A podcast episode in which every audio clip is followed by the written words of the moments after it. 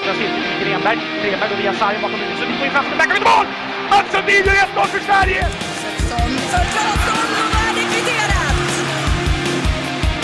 Och så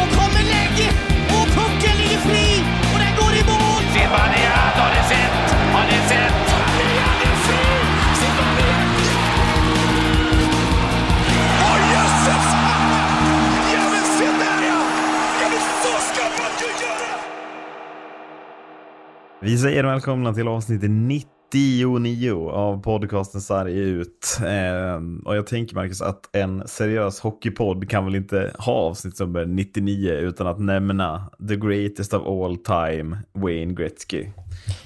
Nej, det... Har du liksom, alltså vad har du, kan, du bara, kan vi bara kort liksom beskriva, vad har du någon liksom seriös koppling till Gretzky? Vad jag menar, eller liksom någon sån seriös känsla för Gretzky? Nej, egentligen inte. Det är därför det känns så jävla Nej. konstigt att kunna, eller så här, ja, han har ju alltid funnits där på något vis. Ja, Gretzky har flest mål i underläge, flest mål i överläge, flest mål i... Ja, Ja, i allting som har hemma, poäng, allt poäng, mål och assist att göra eh, leder Ja. ju han liksom. Ja, allt som har med mål att göra. Det är väl typ att Ja. han inte har snabbaste mål gjort eller något sånt där. Jag undrar vad han inte skulle leda liksom. Men, men känns det inte som att alla så här klipp man har sett på Gretzky så är det att han åker upp i zon, skjuter ett ganska dåligt slagskott som blir mål. alltså får man vara så här kritisk mot det är liksom the greatest of all time? Men jag, Det måste vi jag ner. känner lite att jag vill peta ner honom från tronen. Alltså mest poäng absolut, men Ja, Det är ju imponerande för den tiden, absolut. ja, det är väl Eh, det. Eller rättare sagt så här, ja, alla då var liksom så här, då var det bra, men jag menar det, nu är det ju en helt annan femma, där alla jobbar ju med ishockey på ett annat sätt. Men det känns som att när, när skedde det skiftet då? Gretzky, han spelar väl ändå in på 2000-talet? Ja, absolut, typ. men jag tycker ju hockeyn har ju förändrats något otroligt sen bara 2000 också. Så det är Ja, väl det som det är väl lite det. imponerande. Alltså det är ännu mer imponerande att göra samma sak som han gjorde då, idag, tror jag. Mm. Det är väl en annan diskussion. Folk kommer förmodligen att inte hålla med. Men eh, det, ja, jag, man är ju sjukt imponerad av hur överlägsen han ändå var. Ja, men så är det. Alltså det är ju det som är så jävla sjukt att han, men man, har ju ingen liksom kontext riktigt på att ha sett någon match med honom så. Men Nej. om du har det. Nej, nej, men det är ju det jag menar. Det, och det känns lite konstigt. Alltså, Mm. Han var ändå aktiv in på 2000-talet. Det känns som att man har koll på Foppa och Sudden och gänget som Mm. typ spelar samma tid lite senare, men ändå inte Gretzky. Ja men man har ju ändå bra koll på, eller vi i alla fall i vår ålder, ja. har ju bra, bättre koll på andra amerikaner och kan en så här, än ja, men Wayne typ. Det, han känns Typ- lite liksom anonym Gretzky. Men det, det jag funderar fortfarande på är, tyck, alltså, tycker du att man kan utse någon annan till bäst någonsin? Någon annan?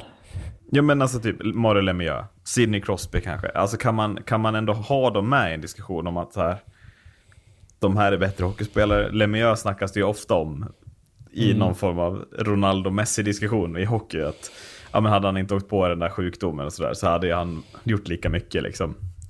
Ja. Ja, jag vet inte. Det enda jag skulle kunna ta med i den här diskussionen om några år, det tror jag är McDavid i så fall. Alltså, Ja, ja. men Crosby ska väl med också. Alltså Crosby när Ja. han kom upp där 2008-2009, alltså är inte han exakt lika dominant där som McDavid är nu Mm. eller? Problemet är ju bara med de här stora Foppa, eh, Sidney Crosby, alla de här, de åker på sådana skador under den tiden det blir lite mera fulare hockey kan man väl säga. Jag vet inte riktigt, Gretzky klarade sig väl, nu har inte jag någon jättebra eh, koll på vad han hade för skadehistorik, men Nej. jag, vet, jag kan inte tänka mig att han var jätteofta skadad. Eh, Nej, det hans- känns ju som att han, han gjorde väl typ 200 poäng per säsong. Så att Ja. då lär han väl ändå ha spelat matcher, även om han gjorde mycket poäng.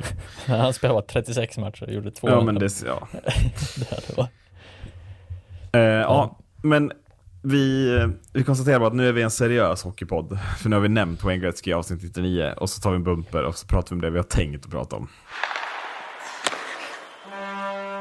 Vi lär väl börja med någon form av sammanfattning av eh, Conor Bedard-VM. Eller förlåt, JVM.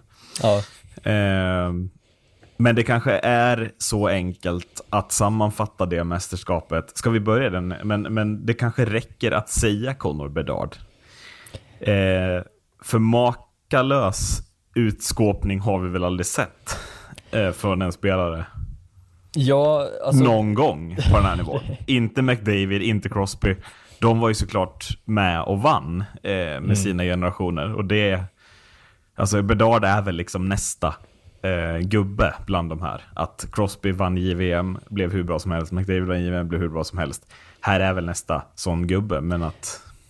Ja, nej men framförallt är det väl också eh, ur aspekten när man ser på, ja, McDavid och Crosby var också riktigt bra. De gjorde så här 11 eller 9 poäng på fem eller sex matcher. Att det Ja, är jo, inte så många precis. matcher att spela heller. Nej, men jag menar snitta två poäng. Det är ingen som kan klaga på det. Liksom. Det är ju bra.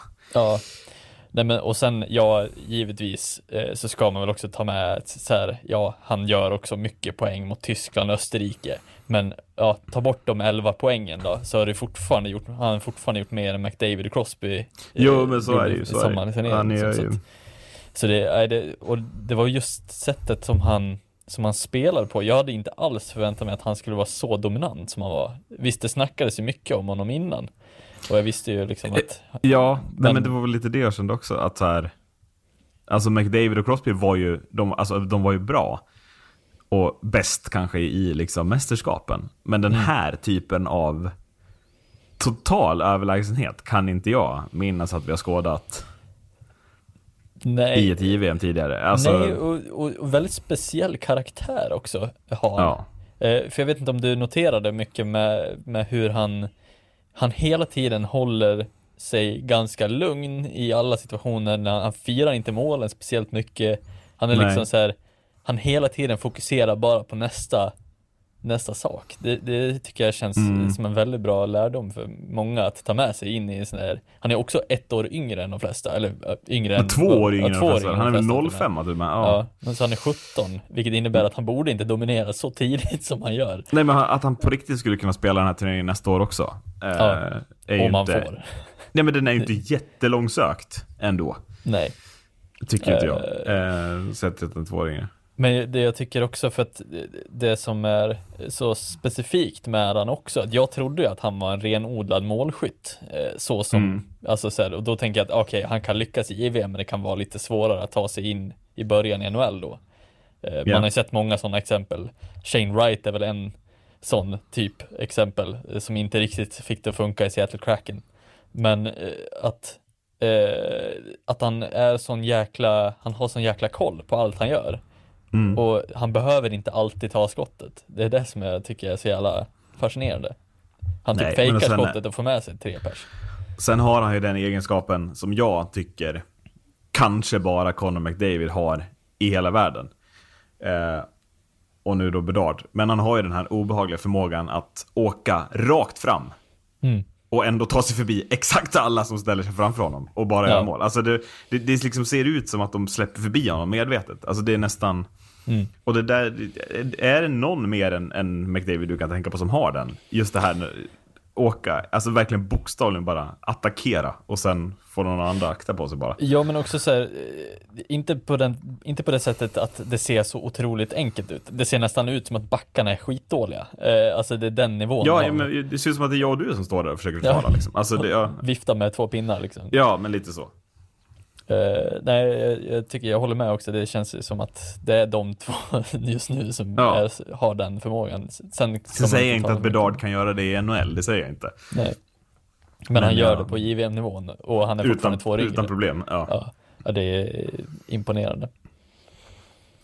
Eh, ja, eh, Kanada vinner sist. Eh, lite krampaktig väg fram. Det är väl mycket Bedard som gör att de vinner, om vi ska vara helt ärliga. Eh, I övrigt så känns det ju som att de har, alltså torsk-Tjeckien i gruppen, håller på att slå till det mot Slovakien i kvarten.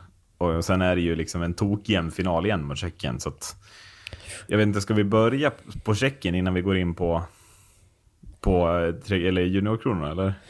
Ja, alltså det är väl lite, det, det ska man väl också ta med sig att det är ju otroligt kul att ett lag som Tjeckien kan sticka upp och komma så här långt nu när vi också har förlorat ett lag som är ett topplag som Ryssland. Ja, men eh, alltså håller med. Eh, Det Mm. var ganska viktigt sett till att Österrike kom in och ja, eh, det var ju pinsamt. Alltså det Mm. som hände, som de stod för.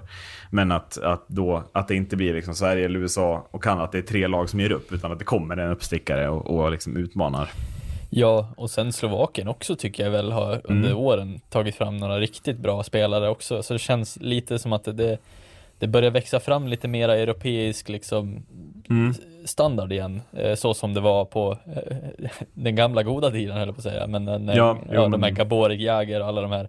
Det känns som att vi inte riktigt har fått fram den typen av, av talanger längre. Men nu börjar det ändå liksom det var, Mm. är lite snackisar kring vissa tjeckiska spelare och slovakiska spelare så att ja, de, de Jo men verkligen, men, men på samma sätt som du sa, du hade, in, du hade liksom ingen aning om att Berdard skulle vara så överlägsen. Mm. Hade du någon aning om att så här, ha Tjeckien är tydligen jättebra? Eller liksom, jag hade ingen koll. Jag, jag, räknade, alltså, jag kände mig, jag kände, gud vad dåligt man har hängt med i uppsnacket. Ja, nej men också så här, eh, det är väl kul när det blir så också, lite att Ja. okej, fan de har en lagmaskin. Det var ju inte bara att det var en spelare som var hur bra som helst i form av Bedard-nivån. Nej, inte Bedard-nivå, nej, nej. Eh, eller någonting annat, Eh, men nu är det ingen som kommer uppnå en Bedard-nivå ändå. Så det, men eh, det var just det här att de hade sån stenkoll på hur de skulle lira. Jag vet inte om du såg det mot Ju- juniorkronorna, när de inte checkade ner mot Mm. våra backar, då ställde de sig bara sig 1-3-1 eh, Ja. ställning i princip. Och bara väntade in på och fångade upp oss och sen åkte de tillbaka igen. Alltså just det tänket att all, få alla att lira in på den och va, ha det Mm. tålamodet eh, i den åldern är imponerande tycker jag. Eh, för de Ja, gjorde nej, men, nej men verkligen. igen. Sen tycker jag att, att om man ska se spelare, om man bortser från Bedard. Eh, om vi säger att Bedard, han gills inte. Det var fuskkod liksom. Om man då skulle ta ut turneringens bästa spelare bakom Bedard. Så tycker jag att den här Jiricek, backen Tjeckien. Det var ju någonting utöver det vanliga också. Och han kommer bli ganska bortglömd i den här turneringen. Sett till att Bedard tar ju alla, med rätta såklart, alla rubriker. Men att Jiricek, det där var ingen vanlig JVM-back. Det där såg ju ut som, ja men typ som om Simon Edvinsson hade spelat i Sverige. Hade Ja. vi nog sett samma typ av dominans. Alltså det var ju, det var ju total dominans på blå linjen. Alltså han gjorde ju, han, han kände ju självförtroende verkligen där. Och det där Ja. är en spelare som jag absolut inte har koll på. Var, menar- alltså vilka som har draftat honom. Men det där är en som man vill se i NHL. Så snart eh, som möjligt. Men han hade väl också varit med och kört eh, vanliga VM med Tjeckien också. Ja, Kanske inte jo, lika men- fram, eh, framta, vad heter det? Framträdande där? Nej, Framträdande nej, men där, såklart. men- Men, Eh, så att det syntes ju verkligen att han hade den nivån eh, Mm. i sig. Jag menar, ha den kylan och den eh, spetsen framåt. Jag menar, det, ja. det är få backar som har de, båda de egenskaperna i, redan i JVM-stadiet. Liksom. Jo men verkligen, och så den liksom, alltså väl, väl lite, alltså väldigt mycket Cale Makar light ju. Bra skridskoåkning, svår att ta pucken av. Skön med pucken, alltså skön rightare. Ja men precis, och så skottet dessutom ju. Eh, Så det känns ju som... Ja men det är ändå alltså, otroligt roligt VM sett ur... Alltså, sp- alltså sådana spelare som stack ut. Att det inte bara var liksom... Ja men eh, Kanadas stora stjärna sticker ut så in i helvete och bakom det kommer det flera spelare från andra länder som också imponerar. Jag vet inte. Ja men precis. Och Schweiz kan ju alltid ha lite så här, vissa år är de bra eller Ja, men bättre, det känns som att bättre borde sämre. inte de få till det bättre på JVM-nivå? Sett till hur bra liksom. Ja, de vinner väl sin, eh, vad säger man, sin liga höll jag på att säga. Säga, De vann väl sin tabell, sin grupp. Jag, har Schweiz jag har de för väl mig. inte sin grupp? Nej det kanske de inte gjorde. De Nej. låg först ett tag. Ja, ja Det det kanske var sist, skillnad. inför sista, det var det sista jag såg av den gruppen. Ja, Schweiz vinner ju två matcher. De slår ju Lettland och sen något lag mer. Men de blir ju fyra. De, möter Ja, okej. de åker ju mot det var så otroligt jämnt i den gruppen Ja, så men det det, var var väl alla som bytte Ja. plats på den. Jo, men Eh, verkligen. men det kändes som att de hade något på, bra på gång i början, men det sen Ja, Jag trodde att de skulle vara lite sån här, du vet den här Schweiz som överraskar, man inte riktigt har koll på eh, hur bra de kommer vara. jo men lite så också. Eh, och- det hände ju inte riktigt. Nej. Men det känns ju generellt som att fortsätter det så här eh, med bredden i europeisk hockey så känns det som att det kan vara en jävligt rolig turnering i Göteborg nästa, nästa år. Ja, också. ja, men det känns ju Eh, onekligen så. Eh, och ska vi se det som brygga då, att- sett till att Sverige är hemmalag, en brygga över till Sverige, eh, så Mm. är ju Sverige Eh, jag vet inte hur du, men vi må, om vi börjar vid den här punkten. Men det har ju redan nu börjat tjatas om att nästa år, då är det ett bra år. Mm. Upplever du också det? Redan Ja. nu börjar man hypa att nästa år, då är det ett bra år. Är det för att det är på hemmaplan? Eller håller man på att sätta sig i en otroligt onödig pressad situation här? Sett till för, Ja. för, förväntningar i så fall. Jag vet inte riktigt. Eh, bortförklara sig lite kanske att man äh, vi satsar på nästa år eller någonting. Eh, är väl också ett sätt att Ja, se det på. Eh, men eh, ja, jag vet inte, Det- alltså det är klart att det kommer vara kul att se, ha JVM på hemmaplan och så vidare, men eh, ja, det sätter ju också en, en press på hemmanationen, hemmalaget på ett annat sätt. jo men just också att, att man då säger det på det sättet. ja, Nu ska vi, ja, nu kommer en bra generation för då blir de här ett år äldre och Ja, det känns lite, lite dumt att tänka långsiktigt med ett JVM-lag när man inte riktigt vet. det. När man inte riktigt vet vilka man får lösa säsong. Bara, ja, just Nej, det, han känns- blev också plockad av. Mm, Leo Karlsson räknade de in, det hade jag inte varit så jävla säker på att göra. Nej. Jag vet inte. Det, Det är lite som när, eh, när Djurgården räknar med William Eklund och de här, alltså att de löst Ja, det känns, håller- det känns farligt. Det känns otroligt, otroligt farligt. eh, Det som Sverige har börjat göra nu efter. Mm. Eh, Men om vi då, för att, ska vi se på Sverige liksom som helhetsturnering. Vad vad ger du Sverige för betyg då? Alltså om du ser över, vad blir det, sex matcher? Alltså hade de, hade de åkt mot Finland då hade det en svag etta nästan, eh, Ja. rent ur prestationsmässigt. Eh, men jag tycker ändå att Sverige spottar upp sig ganska rejält efter Finlandsvinsten Mm. eh, och spelar bättre hockey. Jag vet inte riktigt vad som orsakade att vi inte kunde spela hockey tidigare, eh, tidigare i turneringen. Men, Nej, men samtidigt, är just, Ja. alltså, jag, jag, jag tycker man kan jämföra Sverige, nu inte helt då, men jämföra Sverige ganska mycket med Argentina i fotbolls-VM. Att det börjar ju väldigt dåligt. Alltså visst, Österrike, men det var ju, det hade ju jag och du klarat att göra mål mot liksom. Mm. Men så här, dålig match mot Tyskland, enkel förlust mot, mot Kanada och absolut inte värd seger mot Tjeckien. Men sen i slutspelet, jag tycker att man är bättre än Finland stora delar av den här matchen. Det börjar ju dåligt, men från period två framåt, alltså, det är ju inte, det är ju rättvist att Sverige vinner matchen. Mm. Och jag tycker ju även i slutspelsmatchen mot Tjeckien, jag vet inte om, alltså, vi är 41 sekunder från att vinna den här matchen och i förlängningen, det är ju inte tjeckerna som skapar lägena. Alltså vi Nej. har väl en 3-4 där vi kommer runt dem och kan lägga in den lika gärna liksom. ja, Så att jag kände väl att just att växa under turneringen, likt Argentina gjorde i fotbolls var det blir bättre och bättre. Det lyckades ju Hävelid få till. ja absolut. Eh, och jag tycker Eh, också, och det men, var en drömväg fram. Men... Ja, precis. Men, men sen det, det, som, det som jag tycker är så, det är så jävla Sverige-mentalitet också, att lyckas förlora en övertid som vi är bättre i. Alltså, det är också lite... Ja men att förlora på det Tyvärr. sättet. Först släppa in det målet, 1-1 Mm. liksom. Och sen dessutom skapar man chanser i övertiden och, och förlora igen. Det, blir, Mm. det känns ju otroligt svenskt, håller med.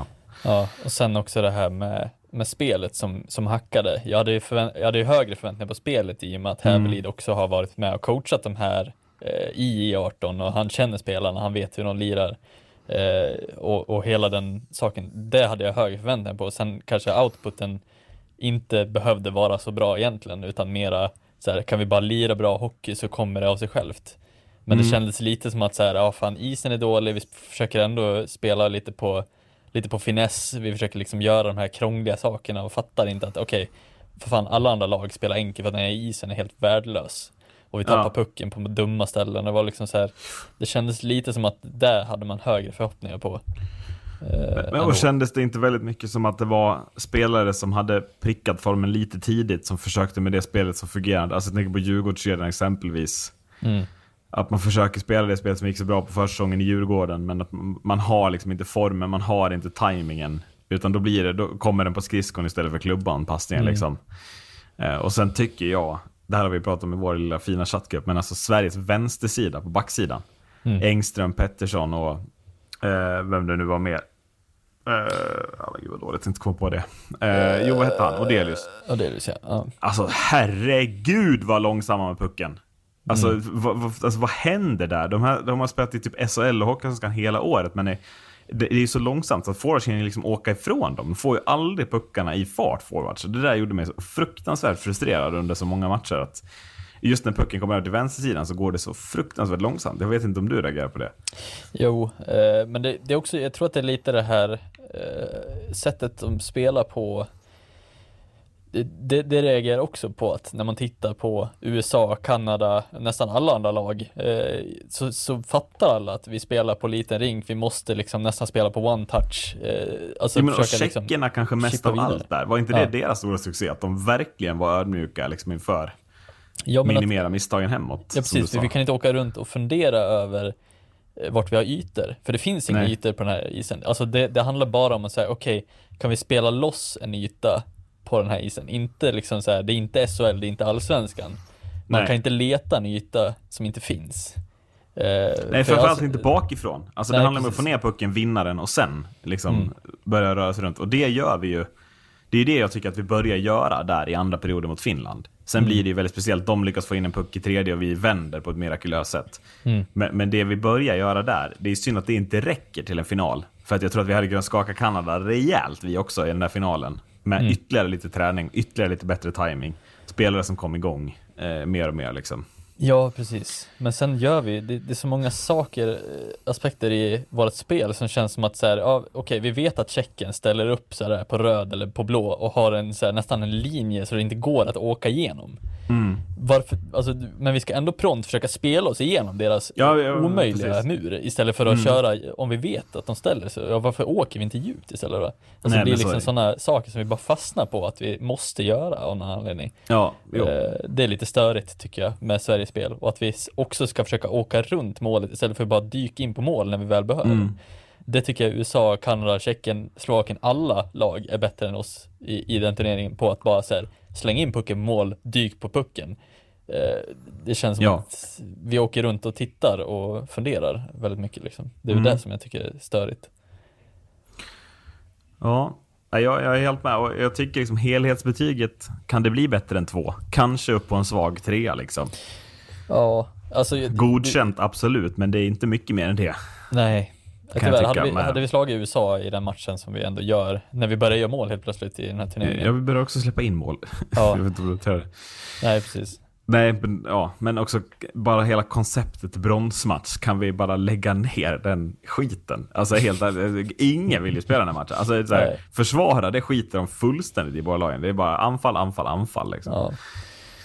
Eh, nej, så att, och det, det är väl lite synd att det blir att det slutar som det gör, för man har ju ändå, alltså man kommer ju ändå in med ganska bra förhoppningar med ganska duktiga spelare här också. Eh, Ja, som ja. känns ganska mediokra, de flesta av dem. Eh, Mm. Leo Karlsson ta- kommer igång, men Ska vi ta lite spelare för spelare? Leo Karlsson är väl den som kommer undan eh, Ja. till sist. Sett till insatsen mot Finland och Tjeckien. mm, Men ska vi börja med superbluffen Fabian Lysell eller? Alltså han kommer Ja. inte spela en match i NHL. Inte en match kan, kommer han spela i NHL. nej, eller alltså, Eller? Det, det finns, ja alltså det finns ju aspekter, alltså han har så jävla mycket hockey, det är det som är stör Har han det? Är det Jo, inte men det han inte har?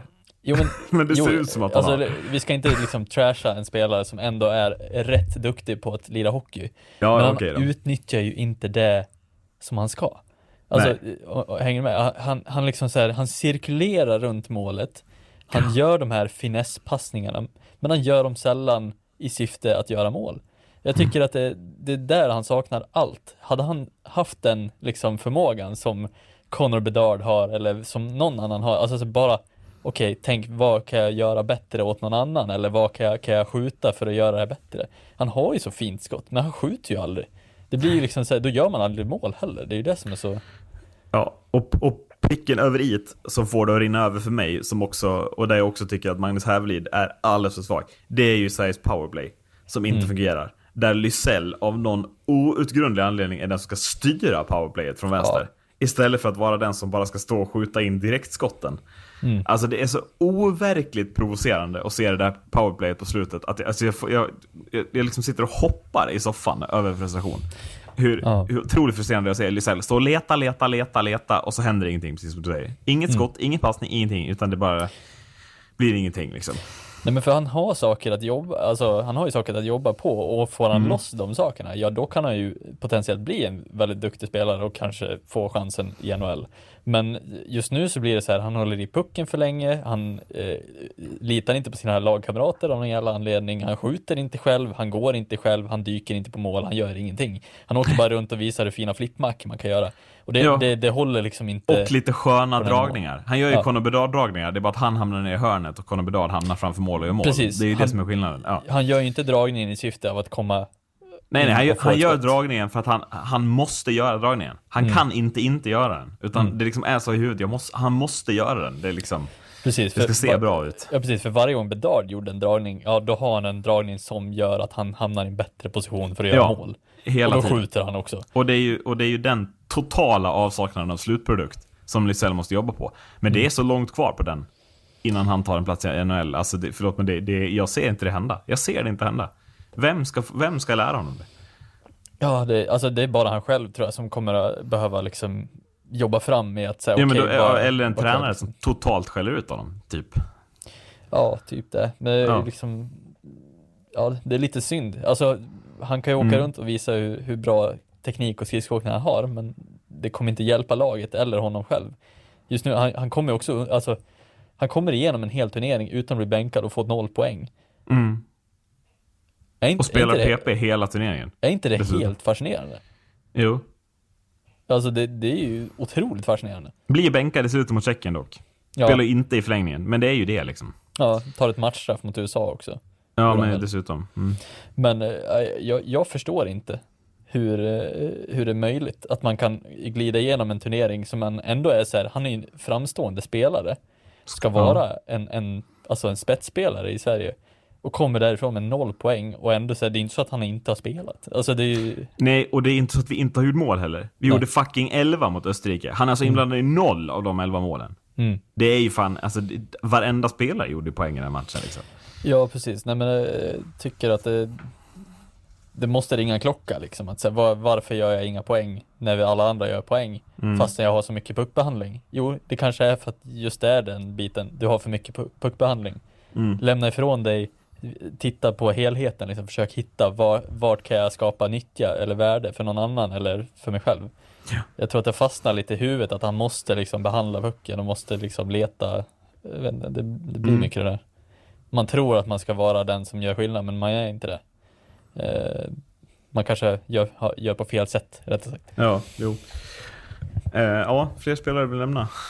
Vi sa väl positiv bemärkelse. Negativ behöver vi inte lägga så mycket krut på. Eh, Nej men alltså det finns ju många, alltså, eh, jag tycker att Noah Östlund växer i mina ögon mer ju Mm. längre turneringen går. Eh, Sen tycker jag också att han har lite den, eh, han har, det, det, det är någonting som finns där med, eh, som, jag, alltså, som jag tycker liknande med både Lysell, Östlund, eh, det finns någon mer också i laget som jag tänker på, men att det är sådana här, de är jätteduktiga på att behandla pucken.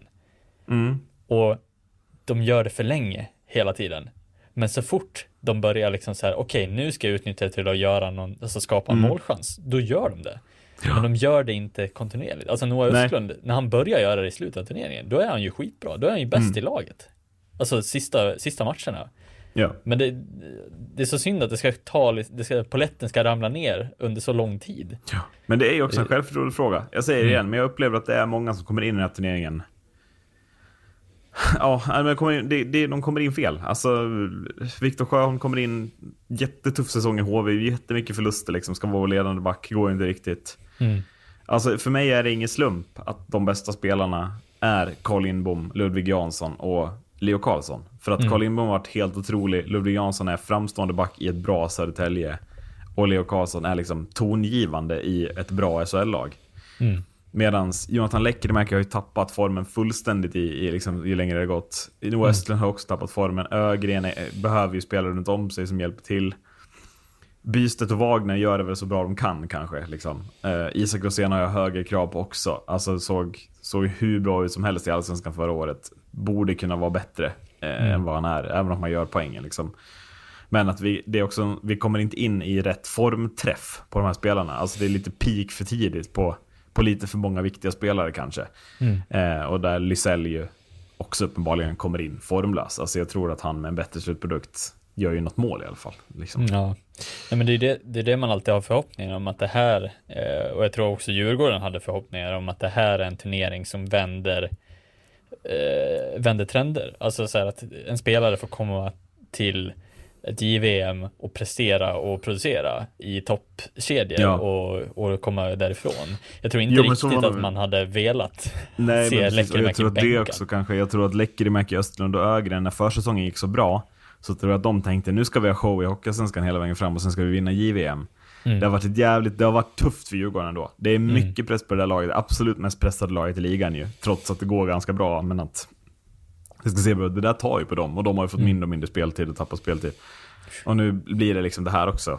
Mm. Liam Ögren är liksom totalt osynlig, Lekkerimäki blir bänkad. Liksom till slut. Mm.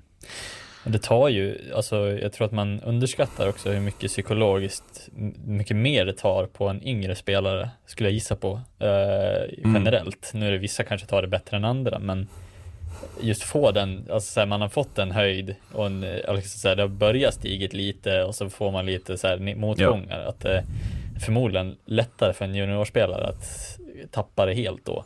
Än de här rutinerade toppspelarna eller jag menar Jo, men det är det som exempel. rutinen är till för. Att lära Ja. dig, liksom, lära sig att hålla en jämnare lägstanivå. Mm. Eh, Så är det ju. Men, men eh, Ludvig Jansson ska vi nämna kort. Liksom. Jag hoppas folk minns vad jag sa. Det, här kommer vara en av våra viktigaste spelare i den här turneringen. Sa jag ju inför. Eh, Och han visar ju bara exakt vad jag har sett i, i Hockeyallsvenskan. Det här är ju fram, alltså en kommande toppback i SHL, eller i NHL kanske också. Men framförallt, jag hoppas det. en- Det känns som en gjuten SHL-back liksom. Eh, men sen tycker jag inte vi kan lämna det här utan att nämna Carl Lindbom. Eh, som ju... Men som väl är något annat. Alltså han är väl någonting annat än en vanlig bra J- JVM-målvakt. Mm. Det här är väl så nära nästa Henrik Lundqvist det kommer. Alltså det är som total show och jag tror liksom Lindbom, han kommer tillbaka till Djurgården nu. Jag tror han kommer, alltså den här åtta insläppta, jag tror inte det kommer ge någon baksmälla överhuvudtaget. Jag tror han bara kommer komma tillbaka och vara exakt lika bra igen. Eh, och liksom bara showa fullständigt. Jag tycker han är helt otrolig. Eh, och jag, fa- vissa räddningar han gör, jag, jag, jag fattar inte hur han bara kan få det att se så enkelt ut som 18-åring. Liksom. Jo, men också och sen ha den, eh, alltså ödmjukheten också utanför och vara väldigt så här, ja men eh, han Blomqvist är också duktig målis liksom, att han, han fortfarande håller eh, dörrarna öppna för att han inte är given första målisens. Alltså att han är, så, han är så jävla liksom eh, ne- mer alltså självmedveten och liksom så down to earth att han liksom men det finns inga självklara eh, tankar om att jag ska vara första målis. Jag jobbar hårt för att liksom vara det hela tiden, varje dag. Och det är väl det som skiljer de bra från de bästa. Eh, Ja men jag tycker tror, ja, precis, precis. Det, alltså det här, det här är något extra liksom, Mm. som man inte riktigt ser. Man ser det inte så Precis. ofta. eh, Precis. Eh, men sen, sen klart, man, man kan ju alltid önska mer av, eh, alltså jag trodde väl lite mer att Lindbom skulle vara ett, ett här spöke för fler lag eh, när vi hamnar i den här trenden att vi spelar så dåligt. Eh, men det är klart, ja, vi ska inte klandra honom för att släppa in fem mål mot Kanada så. Jag tror att vi är lite hela nej, laget. Jag, jag menar ju att alltså, tjeckerna är ju, kör ju över oss i gruppmatchen och vi Mm. vinner. Eh, han står ju pall mot Tyskland rätt bra. Mm. Han gör ju nog en helt, alltså den där plocken på slutet mot Finland är ju brutal. Ja. Eh, så att, Ja, precis. Alltså utan Carl Lindbom hade vi nog inte åkt mot Finland redan. Ja, då hade vi åkt Ja, mot Finland. Och kanske definitivt. släppt in ett mål mot Tyskland och så vidare. Ja, Vi går kort, tänker jag, eh, till just Djurgården. Carl Lindbom behöver komma tillbaks. Eh, Men jag vill framförallt prata om Björklöven. Som fullständigt pulveriserar Djurgården eh, under lördagen. Och nu har åtta segrar på de senaste tio matcherna. Och Löven visar ju upp en spets som är otäck. Är det rätt bedömning? Eller alltså... Herregud vad må, alltså det är, det är, ja. Oj, oj, oj, oj, vad, vad, eh, vad jag tycker de håller på att gå in i, i sånt förarsäte här. Men att det, nu, ser de, nu ser det ut som att det börjar klicka för Stråles gäng. Ja. Och det ser så otäckt bra ut alltså. Precis, och Löven som har en sån otrolig eh, förmåga att lyckas eh, få sådana där spelare skadade har ju fått dem liksom att så, Ja. vara hela hela säsongen också. Lite den. Jag hoppas väl nu att de får gå in med det laget nu i slutspelet. Så Det känns som att de aldrig har riktigt fått gått in med fullt manskap in i, Nej. i endgame om man säger så. Eh, nej men alltså det, det, det måste ju vara hemskt att sitta på SHL eh, nivå som typ Luleå till exempel och bara fan vi behöver en målskytt och så ser man Kilki eh, spela i ett Björklöven och bara Ja. fan Sam- han hade vi också kunnat hitta om vi hade Sam, samtidigt som Mario Kempe och Tommy Sallinen har gjort noll mål ihop på tio matcher. Nej, så att eh, jag, eh, ja, jag- det är oroväckande bra spets. Det är, det är lite som att det är samma och Björklöven nu, som vi såg nu förra. när det klickar, alltså när spelet ser ut som det gör nu. ja, Så, ja jag vet inte, men jag, jag tycker att det är... Det man gör mot Djurgården i den första perioden här, det är ju en, alltså det är en total förnedring. Alltså, Mm. det är ju... Garpenlöv är ju typ nöjd i pausintervjun. Han så här, Men vi håller, jä- alltså spelet är jämnt, men Ja, vi ligger under med 5-0. Det är Det också ju- lite oroväckande i sig. Eh, Det var ju mycket Djurgården verkar ju ha fått mer förtroende för Garpenlöv. Det var, var lugn liksom, men Mm. jag tycker Djurgården ska börja bli väldigt oroliga. Alltså det känns som att om inte Carl Lindbom kliver upp här, ja då är, då är det nog värvas målvakt. Mm. Nej men eh, det blir ju mycket snack om det där kring att så här, ja men Djurgården, eh, det såg man ju florera på Twitter, även Adde var inne på det också, att tydligen var Djurgården ganska bra i den här perioden. Ja. Eh, Men jag tycker inte att man kan motivera att det blir jämnt när det står 5-0 efter en period. Eh, För då har man ändå släppt in fem mål och då är det Ja, då har man redan förlorat matchen. det Ja, är ju liksom framförallt, alltså det. Ja, eh, nej, så jag tycker att oavsett hur bra det än ser ut, alltså man kan spela hur bra hockey som helst, Ja. men förlorar man med 5-0 så har man fortfarande förlorat. Eh, eller Ja, de har två förlorat, blir ganska utspelade också, oavsett vad. Alltså det, och det, det är lite det här, jag förstår kanske att Garpenlöv väljer liksom, men det, det ser bra ut, men man, man har liksom inte råd att uppträda så här. Alltså man har inte råd att målvakten ska tappa in ett, man har inte råd att liksom ge bort mål på det här sättet, utan, utan man måste ju börja. Mm. Eh, ta tag i grejerna lite, för att det, ja, Mora är två poäng bakom. Jag säger Mm. bara det. Mora kan gå om Djurgården i omgång 33 i toppen Mm. av tabellen. Och det är ju det är, alltså, det är ett positivt betyg till Mora, men det är framförallt ett underbetyg till Djurgården. Alltså Mm. topp tre, det ska de bara bli. Så enkelt är det. Ja, men också framförallt när man har satsat lite på korten, Mm. byta tränare väldigt tidigt. Alltså Ja. så här, man, man satsar ändå på att byta Fagervall. Man satsar på att Garpen är rätt väg att gå, även om man inte har en erfarenhet från klubblagshockey Mm. eh, i princip. Eh, och liksom att man verkligen trodde att det här, nu kommer det vända, vi värvar några nya spelare och allting sånt och, och man ändå inte får det att lossna. Ehm, spelet kanske ser annorlunda ut, men förlorar man mot, med 7-2 mot Björklöven så är det ju inte bättre eh, än vad det var tidigare, rent Nej. statistiskt sett, oavsett hur spelet ser ut. Eh, så, så jag tycker också Nej, och Djurgården, Djurgårdarna har inte råd att vara nöjda med spelet. Allt Nej. handlar om resultat. Alltså det är bara vinna, vinna, vinna. Det är det som gäller. Går de inte upp i år, det är ett misslyckande. Och då är det tufft tillbaka. Fråga Modo. Ja, det är så. Eh, fastnar man Det- där så fastnar man, kan man fastna länge. Det, det Ja men verkligen. Och Djurgården har ju inga superförutsättningar för att bli, för att liksom bli kortvariga om de tappar det i år, tycker jag. Nej, alltså jag kan inte tänka mig att Klasen eh, och de här är långvariga Nej men, utan- men hur roligt tycker Kryger och Brodin det är säsong två i Hockeyallsvenskan? De Nej. har ju bara en tanke och det är att spela SL nästa säsong. Nej, och framförallt Carl Lindbom är väl inte kvar en säsong till. Nej det är väl Eh, 100% garanti. Det kommer något annat lag se till. Det är inte oavsett. Matthew Galaida heller, kan vi konstatera. Nej, inte efter att ha spelat tre minuter, typ. eh, ja. Ja. Ehm, ska vi, vi, vi behöver inte vara så långa i Hockeyallsvenskan. Eh, avsnittet håller på att bli ganska långt bara givet. Men vi måste också stanna vid att eh, Daniel Brickley förstärker också Modo. Som nu värvar sönder Västervik. Vi kan väl börja där och konstatera att nu är det väl klart att Västervik kommer att kvala. Jag ser ingenting som tyder på någonting annat. Eh, utan att det är första laget klart för kval. Det är bara en lång väntan på att vilka de ska nu ska få möta i det här kvalet. Mm. Eh, Men jag hävdar ju också att Modo, i och med den här värvningen, nu har de värvat båda superstjärnorna från Västervik. Nu sätter man sig i en position där man inte längre är underdoggen bakom Djurgården och Björklöven. Nu sätter man sig i en position där man faktiskt kanske börjar bli favoriter att gå upp. Eh, sett i laget. Ja. Och hur klarar de Modo det, tror du? Ja, alltså jag tycker fortfarande det första eh, blir ju, alltså jag, jag blev lite förvånad över att vi gick för Brickley eh, i och med att det jag sa var i någon tidigare. Ja, du att ville det ju inte riktigt. Hur känner du nu då? Alltså, n- någonstans lär jag väl lita på processen som vi har ändå lagt ut en mille för Brickley nu. Då lär vi Ja, ändå lita ja, på att jo, man har jo. gjort sin scouting Mm. liksom. Eh, och inte bara titta på eh, hans fina eh, framåtjobb liksom. Men jag, jag tror ändå så här, ja, kan vi forma spelarna så som vi vill och få Brickley att spela med i det här? Jag menar, Vela eh, direkt output, nu gjorde jag hattrick senast, Mm. eh, tycker jag ser väldigt, väldigt bra ut i vårt spel också. Eh, funkar väldigt bra i powerplay. Eh, kan vi få in Brickley på något vis? Jag vet inte om han ska stå i andra PP då eller Kan vi ha- vi få in Brickley? Men visst, det är klart han kommer att styra något jävla P...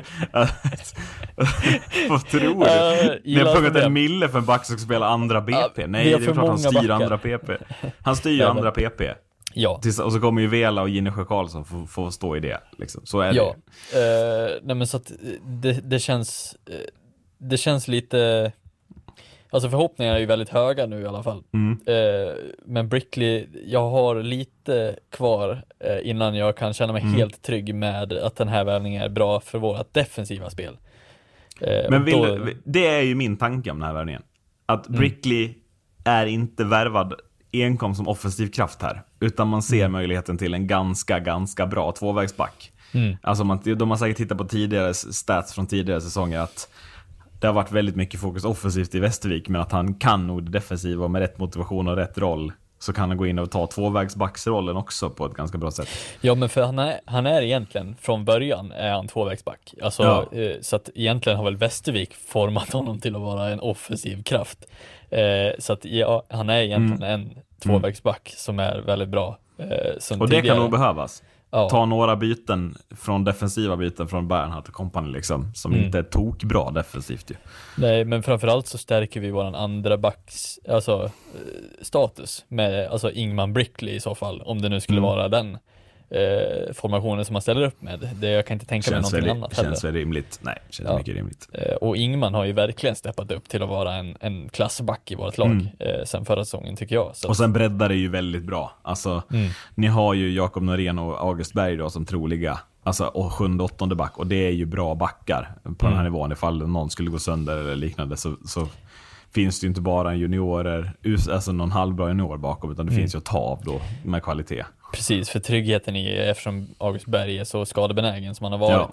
så eh, finns en trygghet i, i det också. Att vi kan Precis, hämta, och då kan han komma tillbaka lite som en outsider också, tänker jag, August Berg. Ja. Så inte han kommer tillbaka med pressen på sig att gå in och leverera i andra backpar. Liksom. Precis. Eh, nej, så att så, och jag tycker vi har, vi har stärkt upp på ett sätt som är mera åt likt HV-aktigt, att vi, vi behöver ha extra pjäser för att kunna plocka in när det väl behövs. Mm. Nu har vi förhoppningsvis, slipper vi undan skadorna nu framöver, men eh, det hade varit skönt att se eh, det fulla Modo liksom med eh, Dickinson, Woods, Vela, Brickley. Hur, hur bra är det Mm. Ja. Modo liksom? Bumper. Ja. Du ville snacka bottenstrid i SHL, Marcus. Du hävdar att Oskarshamn inte kommer kvala. Stämmer detta? Har någonting, har någonting stämt som jag Nej, precis. säger? Nej, eh, jag tycker väl mig se att eh, det finns stor, eh, ska man säga risk, att Oskarshamn Eller är det en risk på att Oskarshamn inte vet? Det är väl stor chans att de slipper kvala, om man ska prata i positiv bemärkelse. Ja, men det finns också en stor Eh. risk att de inte, att de slipper kvala. ja, precis. Och det, det Ja. tänker jag mig, eh, tycker jag mig väl se också i eh, vilka lag som potentiellt ligger i botten. här. Det är inte Linköping, det är inte Oskarshamn. Nej. De två som kanske hade varit, ja, de bästa utifrån förutsättningarna att ligga i botten. Med tanke Ja, på Malmö är ju bra också om man tittar med allsvenska ögon. Tror Ja. jag också. Eh, Men alltså att det finns, jag tror också för SHLs status Mm. i form av att vilka lag är det som går upp och ner och så vidare. Eh, Men jag tycker det, det kommer vara en väldigt intressant bottensida där. Eh, Ja. Vilka som lyckas ta sig ur den och inte. För nu börjar det vara tajt. Liksom. Mm. Ser du någon möjlighet att Malmö inte kvalar? Ja, alltså det är ju något, något mirakel ska ju ske. Ja. det, det är väl framförallt det som, som behöver ske. Jag vet inte, jag tycker inte att de lossnar ifrån eh, det spelet. Alltså de spelar ju inte dåligt jämt. Men de får ju inte, de vinner ju inte. Gör de inte det? Nej, men, alltså, Nej, nej, jag men tycker jag inte att de är, ja. de är inte helt liksom så här, det är inte så att de åker runt och inte kan slå en passning liksom. Nej. De, jag tycker ändå att de skapar en del, så som jag, de matcher jag har sett eh, lite grann av, så tycker jag inte att det ser ut som att det är helt, eh, det är inte helt hopplöst, är det inte. Men det, Nej. det är klart, får man inte ut det i poäng så spelar det ingen roll i det här läget. Det är väl Nej, det är, det är då fyra segrar på de senaste 20 matcherna för Malmö. Eh, Sen är det ju, de tar ju vissa matcher till övertid och tar ju några poäng här och där. Eh, men jag vet inte hur du tänker. Att, tänk, vilka tänker, tänker du att Leksand verkligen är inblandad i den här bottenstriden? jag, Jag vet inte riktigt, det beror lite på, alltså allt handlar ju lite om vad som händer på marknaden och vad som sker i de Mm. andra lagen, för jag tror inte att Luleå är klara där de är. Nej, Eh, och Leksand måste ju värva nu. Rohoma borta, vad var det, sju veckor med den här handleden, eller fingret eller vad det Mm. var. Och Rivik kommer ju liksom inte in i det. Precis. Så där är det ju tunt. Men, men jag tycker ändå Leksand har liksom, de vinner ju matcher. Det jag tycker är, det som sammanlänkar liksom de, de fyra lagen i botten nu, Luleå, Brynäs, HV, Malmö, är att varenda gång man tittar på resultat, liksom score, alltså flashscore eller något, så har de här lagen hittat vägar att förlora. Alltså det känns aldrig som att de vinner, eh, utan eh, de hittar Luleå hittar vägar att förlora genom att inte göra mål, Brynäs hittar vägar att förlora genom att släppa in hur mycket mål som helst.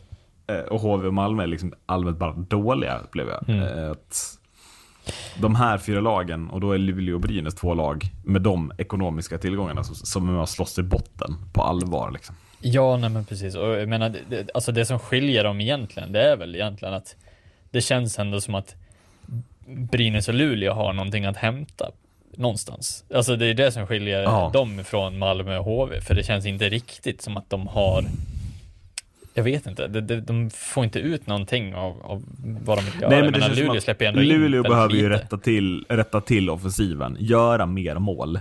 Kan Mm. de få till det kommer de att vinna fler matcher. På samma sätt som om Brynäs, om de får till defensiven lite bättre så kommer de också vinna fler matcher, för de gör ju mål. Mm. Men jag tycker också det är det jag landar i, att när jag tänker då på HV och Malmö, de behöver rätta till så mycket fler saker än Brynäs och Luleå. Mm. Eh, sen är de bara liksom, det är, det är fyra poäng bakom Brynäs och sex poäng bakom Luleå och HV ligger. Men det, det känns ändå så, så otroligt lång, många poäng för HV att ta ikapp sett till hur de uppträder på isen just nu. Mm. Eh, på något sätt. Ja men för jag menar Brynäs gör ju mycket mål framåt men de släpper ju också Ja, ja. in mest mål i hela eh, som vi snackade om också. Ja, nej, men jag menar att alltså Brynäs, eh, 4-4 målet de släpper in mot Växjö igår är ju liksom så signifikativt att fyra försvarare ligger på linje så att det finns en helt öppen gata att slå passningen på. Mm. Eh, Det är en sån grej, rättar man till den då kan inte 16 slå passningen till Rosén. Då är man ju fortfarande liksom i, ja men, då har man ju ledningen och nära att ta tre poäng borta mot suveräna serieledaren. Eh, Det är ju där man, där är ju Brynäs. Det känns inte som att HV är i den positionen att nu kan vi ta poäng borta mot Växjö. Där är, eller liksom, jag upplever inte att HV är där riktigt. Mm. Någon gång. Eh, om, för att inte tala om Malmö som hela tiden hittar vägar att förlora på något Ja. sätt. Ju. Nej men för jag tycker mig se att, alltså så här, jag tycker inte att HV eller Malmö har någon, varken eller. Alltså de släpper inte in lite mål och de gör inte mycket mål. Nej, heller. nej, alltså det är precis. ingenting som finns att liksom hämta ur, ur någonstans. De har lite mer längre väg att jobba. Ja. Eh, och det ska ske någonting väldigt markant för att det ska ske. Eh, sen ja, klart att så här, allting handlar ju lite om hur flyter eh, det här på nu med så här, kommer de vara skadefria alla lagen eller kommer det vara Mm. massa skador som, som stoppar dem? Kommer det finnas, hur kommer marknaden se ut? Vilka lag får vilka spelare och så vidare? Det är väl, Jo, och det är väl det som gör Leksand nervösa i nuläget. Att Ja. Det är inte så många poäng ner som det hade kunnat vara om man hade fått ett skadefri trupp hela säsongen. Mm. Så. Men Leksand är ju alltså med, med både Roma och Rivik borta, det är de två första centrarna. John Knuts har liksom tvingats göra mål i fyra raka matcher. Alltså det, det är ju skadehelvetet för Leksand just nu är ju verkligen ett helvete för att Mm. man har en otroligt tunn tupp att ställa ut på isen. Eh, Ja. Där man saknar ju spelare som verkligen gör skillnad också. Ja, och det finns ingen, alltså marknaden i sig är inte liksom, man kan inte plocka en spelare. Jag tror inte att man vill plocka en spelare heller från, från eh, KL. Eh, Nej, då kommer man ju hamna nej. i den skiten istället. Det finns ju inte att plocka vad som helst, så enkelt är Nej, det. precis. Eh, Så det är väl lite hålla ut och ha tålamodet och vara först på den eh, som dyker Ja. upp. Och det är där också som blir det kanske lite roliga också i det. Att så här, alla lag kan inte köpa sig lite fria från, från sin bottenplacering likt Nej. Luleå. Utan nu, nu måste man verkligen ha tålamod hitta liksom, eh, rätt Mm. pjäs. För nu är det spelarnas marknad lite eh, ute på. Där också. Så att, Mm. Eh, ja, men det, blir, det blir intressant att följa. Det känns som det roliga racet. Det känns som att toppstriden där är det ganska avgjort. Eller placeringarna är ganska liksom så, hur det kommer sluta. Ganska gjutet ändå. Växjö, Skellefteå. Jag tror att de släpper de där topplaceringarna. Ett lag som kanske kan tappa lite. De tappar inte till någon bottenstrid, men eh, vi går in lite på Timrå kanske. Eh, lite formdipp. Nu kommer beskedet att Anton Vedin missar resten av säsongen. Vad tror du det betyder för Timrå i det här läget? Som väl får svårt att värva, får vi väl tro, efter att ha värvat en del spelare nu, eller? Ja, alltså det är klart att det har väl kostat dem en, en, en del att värva de spelare som de har gjort, men samtidigt så, så ser jag väl ändå att ett Timrå som ändå har lite trygghet i, i både spelet och eh, spetsen framförallt, Mm. eh, som de redan har. Givetvis är det ju ett stort tapp med Vedin och så vidare, men jag tycker mig ändå se en annan sorts trygghet i Timrå än vad man ser i många andra lag. Eh, Mm. förvå- förvånansvärt mycket ändå att det är sån trygghet. Sen är det klart att de har en, en svacka nu, men jag tror ändå att kan de hitta tillbaka lite. Eh, Ja, men tror du de och- kan göra det? Eller blir det lite nu säsong två? Nu börjar det komma ikapp dem lite, eller? Ja, det kan ju vara, det kan ju bli en Det rejäl ju- eh, baksmälla också, det vet man ju inte. Eh, Ja, nej, men jag, men- jag tänker att det är ju de, om man ser de senaste tio omgångarna, om man bortser från de här fyra bottenlagen vi precis har pratat om, så Mm. är det ju Timrå som har tagit minst poäng över den här tiden. Mm. Och jag tänker att det sammanfaller lite med att man har tappat lite i tempo, lite i, i flyt, lite i... Och då är det laget, visst spetsen är fantastisk, men det blir också lite tunt om man ser till hela truppen.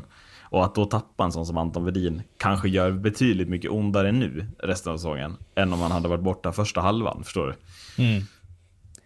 Ja, absolut. Och, eh, men det är alltid, det är alltid där. Nu kommer det också, de kommer ju ha tuffa matcher framför sig också. Givetvis har de Rögle, men de har ju eh, Skellefteå och Örebro matcherna efter eh, varandra, vilket också kanske spär på den här eh, lilla oroligheten eh, på grund av att de möter bättre lag helt enkelt. Men eh, Jo, jo, men de har ju också förlorat lite matcher nu som man inte riktigt får förlora. Luleå Mm. hemma.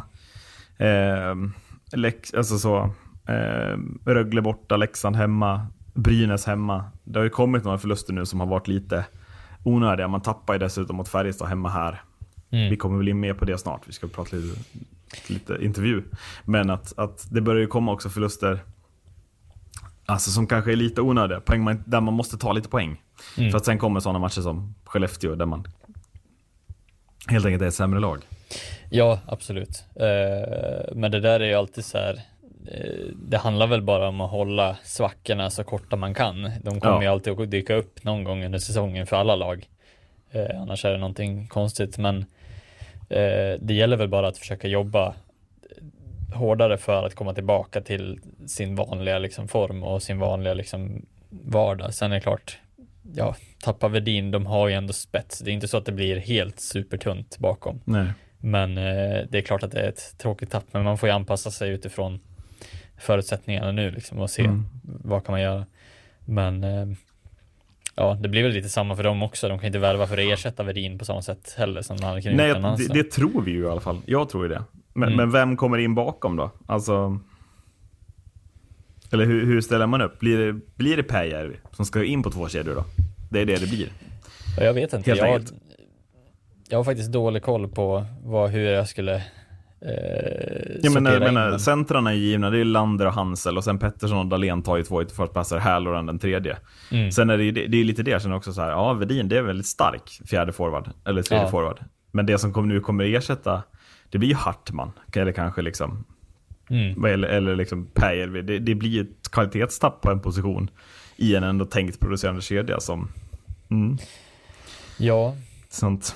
Precis, ja det ska bli intressant att se vad de, eh, men nu är väl, ja, jag vet inte hur, eh, hur väl man ersätter Anton Wedin annars med, jag vet inte om man kliver ut marknaden igen heller, det är väl det, alltså de har bränt en hel del pengar på massa nya värvningar också, Mm. men det är hur de ställer sig ekonomiskt för, för det heller. Nej, nej men så är det. Eh, Men det är väl smart att plocka upp någon, givetvis. Ja. Eh, ska vi stanna vid Timrå som sista ämne för podden? Du såg intervjun med Ante Karlsson efter matchen mot Färjestad. Eh, Ja, ja, ja, ja, ja, min nya favorit numera, Ante Mm. Karlsson. Jag älskar tränare som är lite ärliga och ja, uttrycker sig, ta bort den där skärmen från mig. ja, precis. Ja, det var Eh, Men intervjun skönt. handlar ju väldigt, väldigt mycket om en kritik rakt mot domarna att eh, de helt plötsligt ändrar nivån och börjar ta utvisning för allting. Mm. Eh, blir det inte lite av en dålig smak på den här intervjun också? Att så här, är det verkligen domarnas fel att ni tappar en 3-1-ledning på hemmaplan? Alltså, Ja, nej, så, sånt där händer ju alltid. Eh, Mm. när man är i sitt absolut sämsta stadie. Eh, Ja, men precis. Att det blir en det- domarmiss. Eh, det liksom och- pratar lite om att det är också lite panik i teamet. Eller liksom, man Mm. är lite stressad, man är inte lika lugna. Ja. adrenalinet och ilskan gör väl lite också att man bara allting Mm. blir en motgång och allting blir eh, ja, dåliga beslut. Eh, och då är det lätt att kasta det på domaren givetvis. Eh, men eh, ja, och det där kommer ju alltid ske. Det där kommer ju alltid hända när man inte vill att det ska hända så kommer det ju bli en sån där eh, ja men tveksam tvåa eller vad som helst. Mm. Alltså det är sådana grejer som sker i de lägena som absolut inte ska ske. Det är liksom, så kommer det alltid vara. Det är Murphys lag. Liksom. ja. Eh, men eh, vad eh, tänkte du kring, kring Det, det, utvisningen det jag tänker är att det är så lätt, det är så lätt för Ante Karlsson att komma undan här och säga att ja, men det var domarnas fel. Mm. Men om man då tittar liksom i verkliga fall, ja de ger bort 3-2, då åker Emil Pettersson på en ganska solklar hakning. Sen sköter Hansel skjuter ju ut den över, alltså vad heter det, pag-out. Mm. Jag menar det, det vet de ju att det är utvisning liksom. Så gör de mål på det. Sen kommer liksom, Färjestad får också får fyra utvisningar efter det. Och Timrå får fem. Alltså visst, de tar ju många utvisningar. Men Färjestad får ju också utvisningar.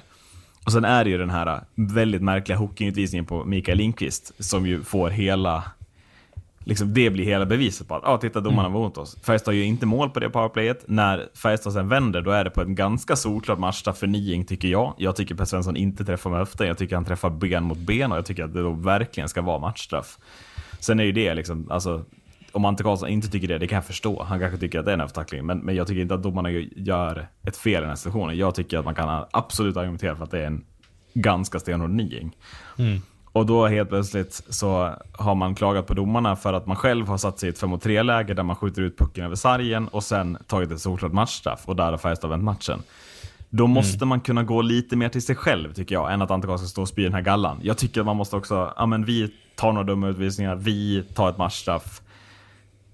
Mm, jag, kan, jag kan faktiskt vara på domarnas sida här, även om den utvisningen på Linkvist, eller på vem det nu är som hookar Linkvist, är ju såklart katastrofal. Och Linkvist Mm. kommer få en jävla divinganmälan, det är väl bara väntar vi väl på och gått oss till i vår chattråd. Mm.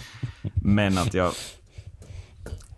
Ja, han är skön Ante Karlsson, men jag hade önskat lite självkritik eh, Ja. i, den här, i den här intervjun också. Ja, absolut. Jag menar, det, så, är det, så där är det alltid. Det är lätt att fokusera på den specifika händelsen som var någon annans fel än helheten. Alltså det är lätt att man fastnar i, i, i den, det snacket tror jag också. Speciellt när man är arg. Eh, så tänker man nog inte steget längre heller kanske.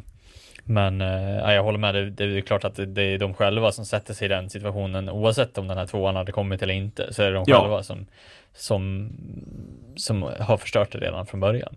Mm, Nu vet jag inte om de gjorde mål på den utvisningen eller inte. Nej, nej, nej, det gör de nej, inte. Nej. Det är ju det, det är, inte den här, också. det är inte den här som blir talande för att de förlorar matchen, utan det är ju mer, ja, Ja, nej men... det är klart han, Mm. han ska ju isolera den här som ett dåligt beslut av domarna, men han behöver inte Ja, liksom, och, det och det håller ju nog domarna med själva om också. När. Det är lite dit jag vill. Mm. Att så klaga på att ja, men, vi hade vunnit den här matchen om inte domarna hade börjat plocka massa utvisningar. Jo, men Färjestad åker ju också ut. Mm. Matchstraffet är solklart. Det är ni själva som skjuter ut pucken, eh, liksom pack out. Alltså det, det är Mm. ju...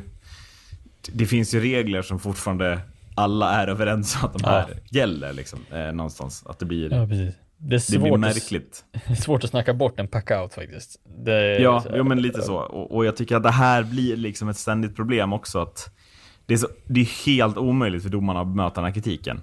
Där på plats. De, det intervjuas ju inga domare. Jag, alltså så, det, är i alla fall ingenting som får som syns på Simon Hockeys fantastiska sociala mediekonto. Mm. Utan det man visar är, kolla Ante Karlsson var lite arg. Och sen ska alla hålla med Ante Karlsson. Man får se bara situationen med Mikael Lindqvist hooking. Och där hjälper man hela pöben att ta ett beslut att ah, domarna var katastrof för den här matchen. Fast så nog inte är fallet. Eh, vill jag komma lite till att det här blir ytterligare ett problem i, i liksom hela det här ah, hata domar-grejen. Ja, det, det kan jag nog eh, verkligen hålla med om. Att det blir Det blir ju spä på elden åt fel håll lite, eh, givetvis. Helt Eh, klart. Sen, sen tycker jag det är väldigt skönt uttryckt av att ta bort den skärmen.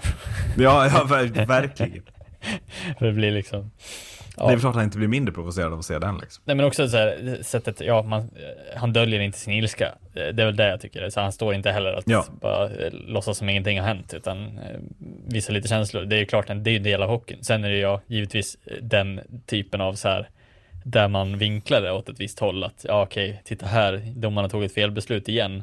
Ja. Istället för att de alla rätta beslut som de tog med matchstraffet och packout eller vad, alla de aspekterna. Det är klart att det blir ett problem. Sen också att det där kommer att vara, det där har blivit diving-snacket som har eh, gått nu eh, ganska rejält. Och Ja. kommer väl att landa i en anmälan också som du säger. Eh, vi kommer väl sitta här och bara, ja men det vart ju ingen tvåa för diving på isen heller. Ska, ska vi outa domarfrågan på Twitter? Och den frågan vi båda ställde när tweeten kom ut. Att folk verkar tro att eh, det som sker på isen och disciplinnämnden, att det är olika agendor och olika typer av beslut tas där. Eh, Att så är inte fallet. Eh, Och att det var helt ofattbart hur man kunde tro det. Eh, Där vi väl båda nämnde just den här grejen att det har tagits, vadå, noll diving på isen i år eller? Och hur många böter har vi delat ut? Alltså snart är ju SHL Ja. rikare än de rikaste trollen av alla. eh, På de här divingböterna ju. Ja, ja, absolut. Och jag glömde nästan bort att det hade skett det där. Men ja, Mm. det, och, och det, är liksom, det är väl inte konstigt att folk tycker att det sker en spricka när domarna inte Nej, tar... men precis. Och, och mm, alltså det är jättebra att sådana här konton finns, att de förklarar varför det tas och jag tycker det. Men man kan inte vara så här naiv. Man måste kunna läsa av att så här, men om vi nu tittar objektivt på det här. Ja, det har anmälts hur många diving? Alltså jag vill inte veta den siffran, men det är ju alldeles för många. Ehm, och det har inte tagits någon på isen. Där måste man kunna säga att aha, det, är kanske, det här är kanske en grej som folk reagerar på. Liksom. Eh, anmälningar i efterhand. Och det eh, vet jag också, eh, som jag sa till, för det var, det, det var någon som svarade i tråden också att det är väldigt Ja. svårt. Man måste nästan veta innan att det är en diving för att kunna ta en diving. Men, och det, och det där är ett problem som jag, som jag vet också Adde håller med om att Mm. om det inte är uppenbart diving, så att domaren säger att okej, det där är en diving, jag tar två minuter. Om det inte uppenbart går att säga, säga det, då är det ju ingen diving. Det säger Nej, ju även och- regelboken också. Och, och framför allt, om man då ska veva den på massa videos efteråt, då ska man fan inte veva dem i slow motion. Då ska Nej. du veva dem i, i rätt tempo och kunna säga, men kolla vad han slänger sig, det syns här. Då kan jag köpa det. Men vevar man det i det här slow motion träsket vi är inne i, som du en gång började lacka mot, så vi kan inte hålla på och veva i det här slow motion, för då ser ju allt ut som diving sist. Eh, f- för problemet blir ju l- lite också i att så här, det, anledningen till att det känns som en spricka mellan DN och domarna, det är ju just det här. Alltså vad, Ja. hade domarna bara tagit, hade det varit en diving på isen och en böter i efterhand, Ja. då hade det varit ett alltså, klockrent samarbete. Precis, Men det är precis. inte det. Alltså, Men man sitter och granskar och jagar divings för att disciplinera med känslan. Och det är inte känslan att domarna vill. De vill ju ha bara ett spel som pågår. ja, precis, för det, inte, det kan inte vara dom, om domarna missar på isen, då kan det inte vara domarna som har anmält divingen. Nej, Det känns lite som att då, då säger, då Nej och, de sig och, och har man missat den på isen, då ska man inte få göra det tycker jag heller. Då Nej. ska man inte få sitta efteråt som domare heller och titta på situationerna. Det är liksom, Nej, det, tas det inte på isen, då ska det inte kunna anmälas. Punkt. Nej, det, det känns lite, för vi sitter ju inte och delar ut mål i efterhand heller, om det Nej, skulle vara så. nej. Eh, Så det blir lite, ja, sådana grejer. Det blir lite pajigt. Mm. Eh, jag tänker att vi lämnar den här veckans podd innan vi går igång på det här för mycket. Vi kommer att återkomma till det här, jag är ganska säker på. Eftersom att vi, vi står ju längst, vi, vi kan stå längst fram på barrikaderna för det här. Eh, Nu för kommer att stoppa den här idiotin. Eh, kom ätas SHL och domarfrågan eller något. Ehm, vad borde Timrå göra nu då när det går lite trögare? De borde spela mer sarg ut faktiskt. De borde spela mer sarg ut. Tack för att ni har lyssnat. Hej då! Hej då.